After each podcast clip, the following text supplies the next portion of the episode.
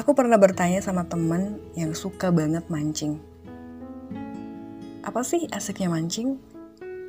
Itu tuh cuma duduk diem, nungguin berjam-jam, dan itu juga belum jaminan bakal dapat ikan. Aku sampai mikir, kenapa itu bisa bikin seseorang jadi kecanduan? Nah ternyata masalahnya adalah karena aku nggak pernah mencoba untuk ikutan main. Ya seandainya aku mencobanya, pasti bisa aja aku juga jadi kecanduan sama yang namanya mancing.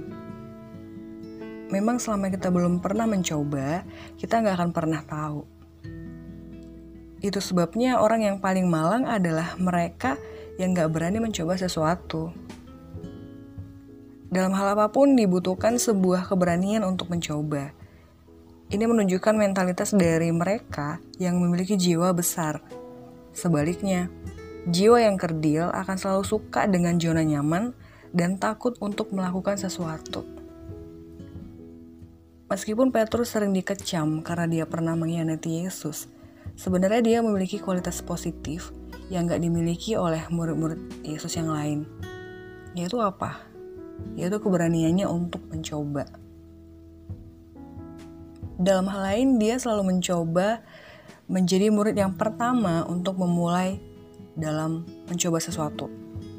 Termasuk pada waktu dia dan murid-murid Tuhan Yesus yang lain melihat Yesus berjalan di atas air. Saat itu Petrus putuskan untuk mencoba berjalan di atas air, walaupun di tengah jalan ia mengalami kegagalan.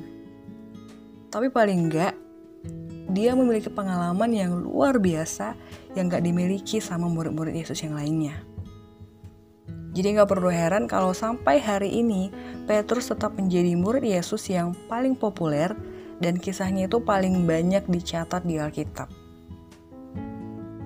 Kita belajar dari Petrus bahwa kita yang nggak pernah mencoba memang nggak akan pernah gagal.